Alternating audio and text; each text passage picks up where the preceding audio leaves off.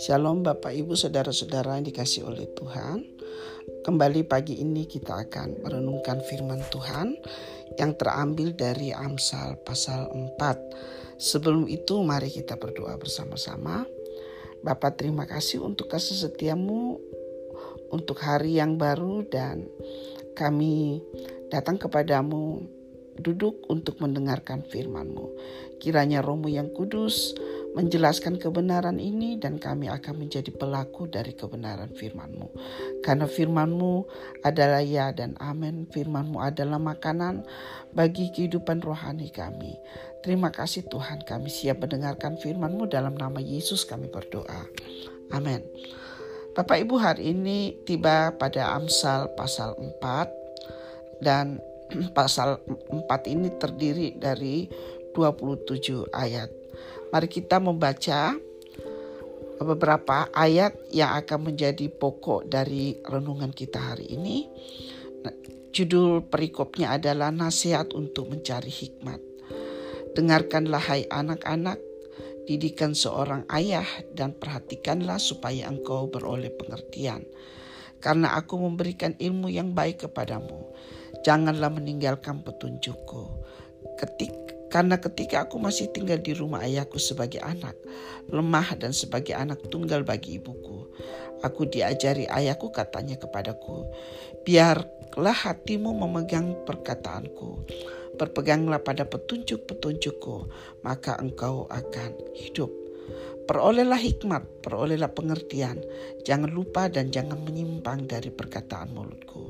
Janganlah meninggalkan hikmat itu, maka engkau akan dipeliharanya Kasihilah dia, maka engkau akan dijaganya. Permulaan hikmat ialah berolehlah hikmat, dan dengan segala yang kau peroleh, perolehlah pengertian. Junjunglah dia, maka engkau akan ditinggikannya. Engkau akan dijadikan terhormat apabila engkau memeluknya.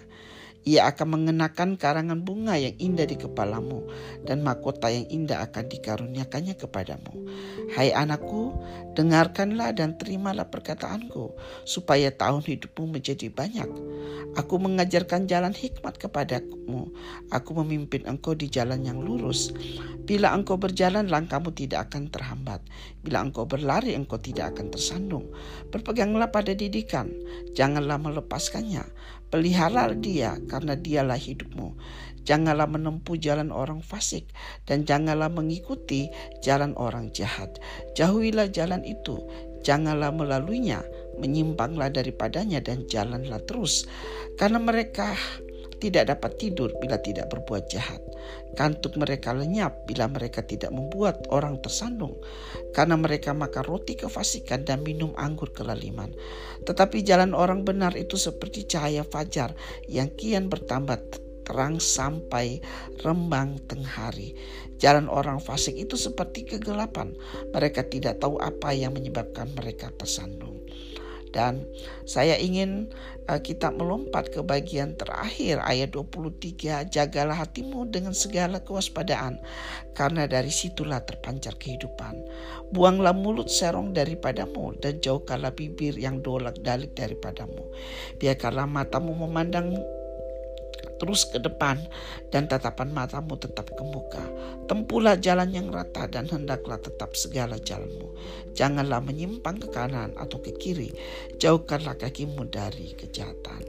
Bapak Ibu ini adalah uh, kesaksian dari Raja Salomo dan me, walaupun dia dikenal sebagai raja yang memiliki hikmat, namun di bagian ini dia mengakui bahwa hikmat yang memampukan dia membangun kerajaannya, hikmat yang memampukan dia mengarang uh, ribuan amsal dan kata-kata bijak yang lain, ini tidak bisa dilepaskan dari peranan ayahnya. Ayahnya adalah seorang raja yang memang tidak sempurna, tetapi raja yang sangat mengasihi Tuhan, dan berbanyak beroleh pelajaran-pelajaran dari kehidupannya. Dan di bagian ini raja ini sendiri memberitahu kepada Salomo dan mengatakan jika engkau ingin memperoleh hikmat Ya, dengarkan aku, belajarlah dari aku. Nah, Bapak Ibu, hikmat di dalam Alkitab ini lebih bersifat praktis. Jadi, hikmat itu bukan sesuatu yang uh, menunjukkan betapa uh, pandainya kita dalam pikiran, tetapi lebih menunjuk kepada sikap praktis bagaimana hidup di tengah dunia ini, bagaimana hidup di bawah matahari, dan hikmat yang dari Tuhan itu adalah hikmat yang memampukan orang hidup di bawah matahari, namun hidup di dalam jalan-jalan Tuhan tidak terpengaruh dengan jalan-jalan yang ditempuh oleh orang-orang yang disebut sebagai orang fasik. Dan di dalam bagian ini di ayat 3 dikatakan ketika aku masih tinggal di rumah ayahku sebagai anak sebagai anak tunggal bagi ibuku. Aku diajari ayahku. Jadi pendidikan hikmat betul adalah merupakan hasil dari pelajaran dalam kehidupan sehari-hari dan tentu pendidikan ini dimulai di rumah. Bersyukurlah Raja Salomo karena memiliki seorang ayah yang dekat dengan Tuhan, yang mengasihi Tuhan dan sungguh-sungguh mencari kebenaran. Ya. Sehingga uh, dia mendapatkan pelajaran yang sungguh tepat dari seorang ayah yang rohani, yaitu Raja Daud. Daud pada waktu dia jatuh di dalam dosa, salah satu ketakutan terbesarnya bukan hal dia kehilangan tahtanya, tetapi hal dia kehilangan roh Allah. Sehingga waktu dia jatuh ke dalam dosa, ditegur oleh Tuhan melalui Nabi Nathan. Dia berkata, biarlah uh, janganlah kiranya rohmu meninggalkan aku.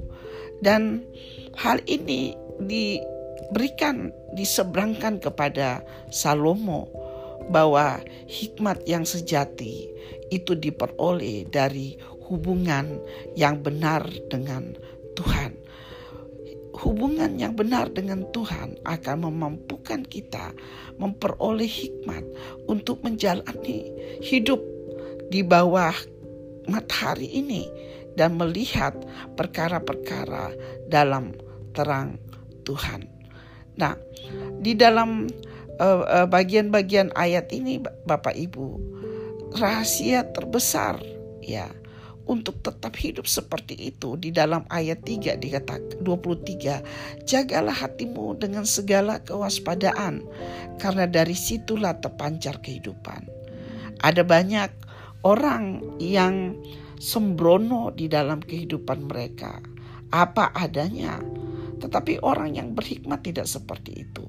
Orang yang berhikmat dan dituntun oleh kebenaran firman Tuhan adalah orang yang hidup di dalam kewaspadaan, memastikan bahwa dia tidak sedang menuju kepada jalan yang ditempuh oleh orang-orang fasik. Dan dia menjaga hatinya, menjaga seluruh panca inderanya. Ayat 23 mengatakan menjauhkan diri dari mulut atau bibir orang yang dolak-dalik. Matanya terus memandang ke depan dan kemudian kakinya tidak membelok ke kiri atau ke kanan. Gambaran-gambaran yang dipakai panca indera ini menunjukkan keseluruhan hati, sebuah tekad untuk menjaga hidupnya sejalan dengan Tuhan. Dan itu adalah hikmat itu adalah permulaan hikmat kata firman Tuhan. Hikmat yang dinyatakan di dalam rasa hormat dan rasa takut kepada Tuhan. Dan rasa takut, rasa hormat kepada Tuhan itu ditunjukkan melalui menjaga hati, memperhatikan segala tindak tanduk di dalam ayat 19 dikatakan jalan orang fasik itu seperti kegelapan. Mereka tidak tahu apa yang menyebabkan mereka tersandung. Orang fasik tidak tahu apa yang akan mereka capai.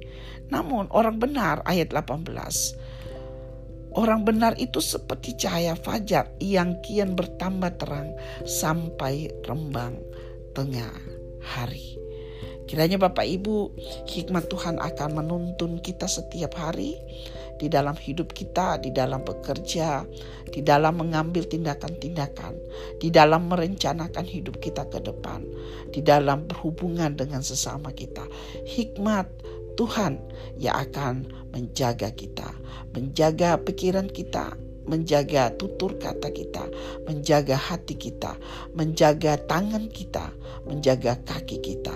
Di dalam segala hal, hikmat Tuhan akan membuat kita menjadi hidup. Tuhan memberkati Bapak Ibu, kiranya Tuhan akan terus memberikan hikmatnya kepada kita untuk hidup menurut dengan kebenaran firman-Nya. Tuhan memberkati, mari kita berdoa. Bapak, terima kasih buat hari ini, hari yang baru, hari yang Engkau perkenankan bagi kami untuk terus beraktivitas. Bapak, kami menyerahkan hidup kami ke dalam tangan-Mu.